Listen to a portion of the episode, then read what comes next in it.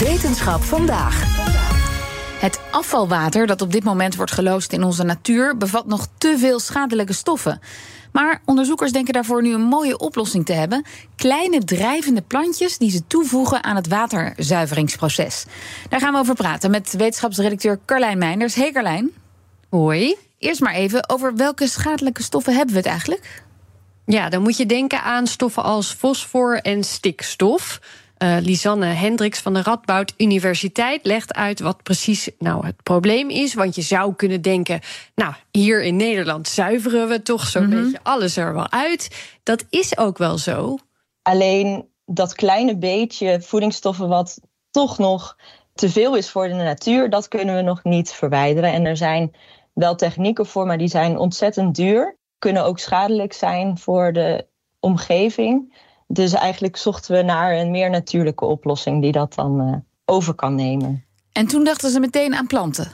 Ja, ja, daar waren ze snel over uit.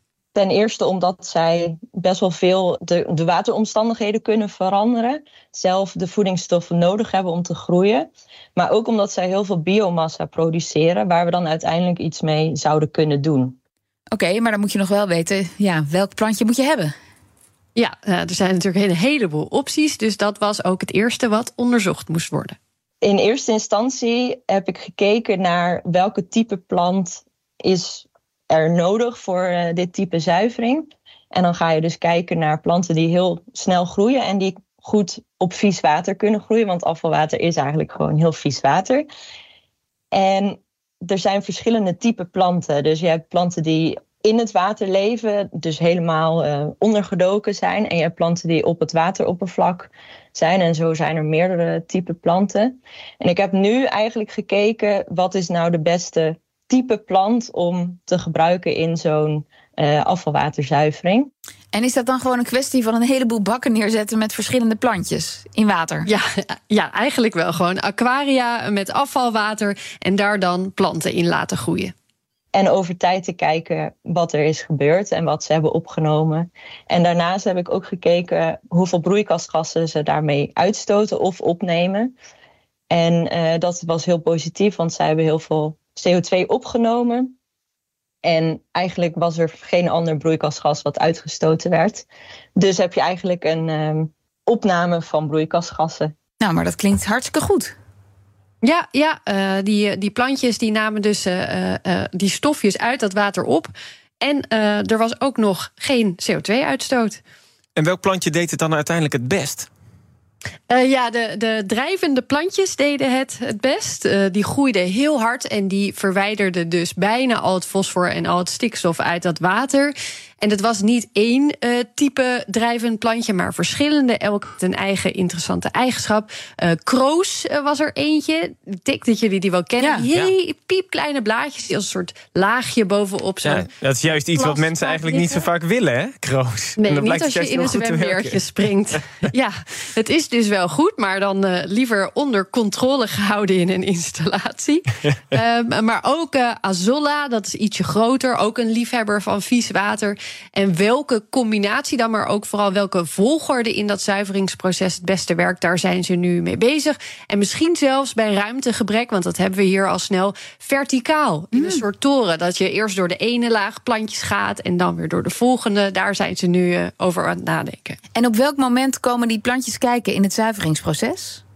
Je, je moet het zien als een nazuiveringsstap. Een toevoeging aan wat er eigenlijk al is.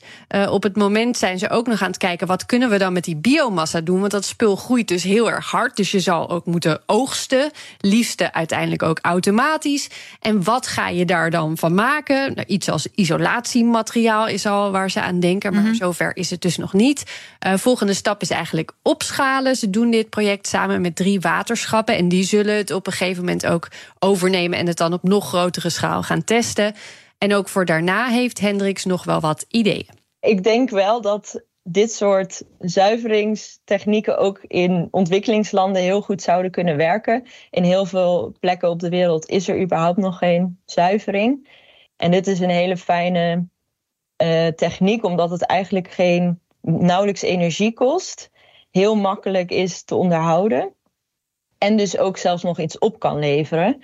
Dus ik zou het wel heel erg leuk vinden om ja, onderzoek te doen van werkt het ook in dat soort landen en werkt het ook op grote schaal. Ja, kan me voorstellen. En het uiteindelijke doel is dan dus minder vies water de natuur in en minder CO2-uitstoot. Ja, precies. Ja. En daarmee beïnvloed je ook meteen de biodiversiteit. Je wil eigenlijk niet in de natuur dat er dus alleen maar kroosplantjes groeien, omdat die nou eenmaal goed op vies water kunnen groeien. Je wil juist dat daar een heel mooi natuurlijk systeem is met heel veel type planten, heel veel type beestjes. En dat dat niet overgenomen wordt door dit soort planten die heel goed op vies water kunnen groeien. Nee, niet dat we straks alleen nog maar kroos zien overal.